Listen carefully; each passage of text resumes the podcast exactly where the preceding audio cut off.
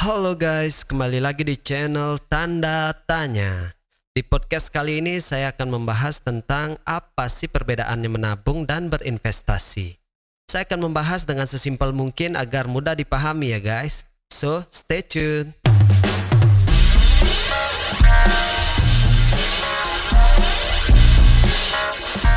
Yes, banyak orang yang mengira kalau menabung itu sama dengan investasi. Yap, itu nggak salah, tapi juga kurang tepat ya guys. Jadi intinya gini, menabung itu adalah sebuah kegiatan memisahkan sejumlah uang untuk disimpan. Dan uang tersebut masih dapat digunakan sewaktu-waktu jika diperlukan. Nah, menabung itu biasanya dilakukan untuk tujuan jangka pendek.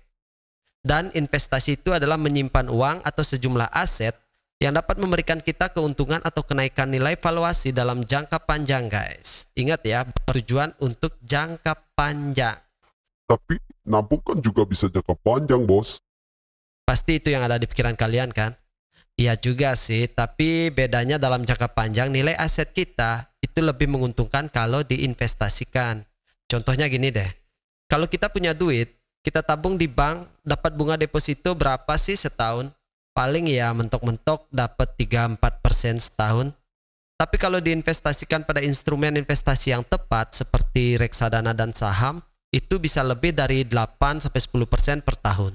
Jadi ya sudah jelas ya kan bedanya. Oke kita lanjut ya. Yang pertama saya mau bahas tentang kemudahannya dulu ya. Menabung sudah jelas lebih mudah ya guys. Dan kapan pun saat kalian perlu duit, kalian bisa narik duit kalian di ATM atau transfer via mobile banking. Beda banget dengan investasi. Kalau kalian sudah menginvestasikan dana kalian, itu tidak bisa seenaknya kalian tarik dananya karena ada periode waktu tertentu untuk mencairkan dana hasil investasi. Itu balik lagi kebijakan dari setiap perusahaan investasi masing-masing ya. Ada yang cepat, ada juga yang perlu proses beberapa hari kerja baru bisa cair. Oke, next. Yang kedua dari segi risikonya. Kita harus paham dulu ya, yang namanya nabung dan investasi itu pasti ada risikonya. Tapi ada yang risikonya kecil dan ada juga risikonya yang lebih tinggi. Maksudnya risiko kerugiannya ya guys. Kalau kalian taruh duit kalian di deposito di bank, sudah jelas ya risikonya lebih kecil untuk kehilangan duit. Kecuali banknya bangkrut ya. Mungkin duit kalian hilang, tapi itu kan jarang banget ya. Ya palingan duit tabungan kalian diputar buat ngasih modal pinjaman ke pengusaha. Mungkin ya, mungkin. Kalau investasi itu resikonya bervariasi guys. Contohnya investasi di reksadana. Reksadana itu dibagi menjadi empat jenis. Ada reksadana pasar uang, reksadana pendapatan tetap, reksadana campuran, dan reksadana saham. Dari keempat reksadana ini, imbal hasil dan risikonya berbeda-beda ya guys.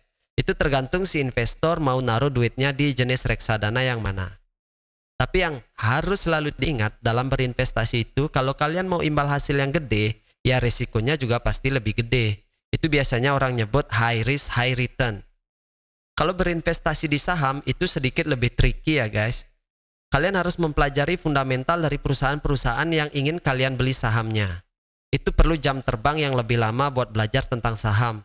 Tapi kalau kalian memang ingin tetap berinvestasi di saham, kalian bisa pilih saham-saham pada indeks LQ45. Di sana terdapat 45 jenis saham dari perusahaan-perusahaan dengan kapitalisasi besar dan juga sahamnya liquid. Selengkapnya kalian dengerin deh podcast saya sebelumnya yang membahas tentang gaji UMR juga bisa kaya dari berinvestasi saham. Oke lanjut yang ketiga, dari segi bentuk dan produknya. Kalau yang namanya nabung ya sudah jelas dalam bentuk uang ya guys, yang ditabung di bank dalam bentuk tabungan atau deposito.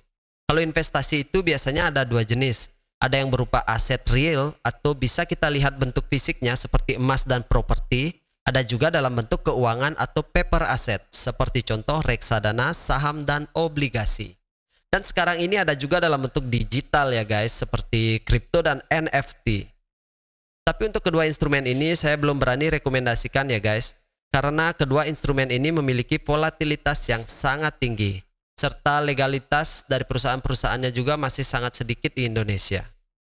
Khusus untuk kripto sendiri, menurut saya seharusnya masih perlu banyak sosialisasi dari pemerintah supaya masyarakat awam tidak tertipu investasi-investasi bodong seperti yang banyak diberitakan di media-media ya guys. Tapi dari semua pembahasan singkat ini, intinya kembali lagi ke diri kalian masing-masing ya guys. Kalian pingin berinvestasi pada instrumen yang mana atau hanya pingin menabung saja? Karena risikonya lebih kecil ya itu terserah kalian pribadi. Sekali lagi saya tegaskan di sini, saya bukan penasehat keuangan kalian. Hanya kalian yang tahu tentang risiko kalian masing-masing. Di sini saya hanya ingin berbagi pengetahuan tentang investasi. Dan semoga podcast ini bisa bermanfaat buat kalian terutama yang ingin memulai berinvestasi. Terima kasih buat kalian yang masih setia mendengarkan sampai di menit ini. Jangan lupa dengarkan episode-episode yang lainnya ya guys. Karena di channel ini saya akan membahas tentang pengembangan diri atau self improvement. Ya, intinya jadi pribadi yang lebih baik lah dari sebelumnya. Ketemu lagi di episode selanjutnya. See you guys.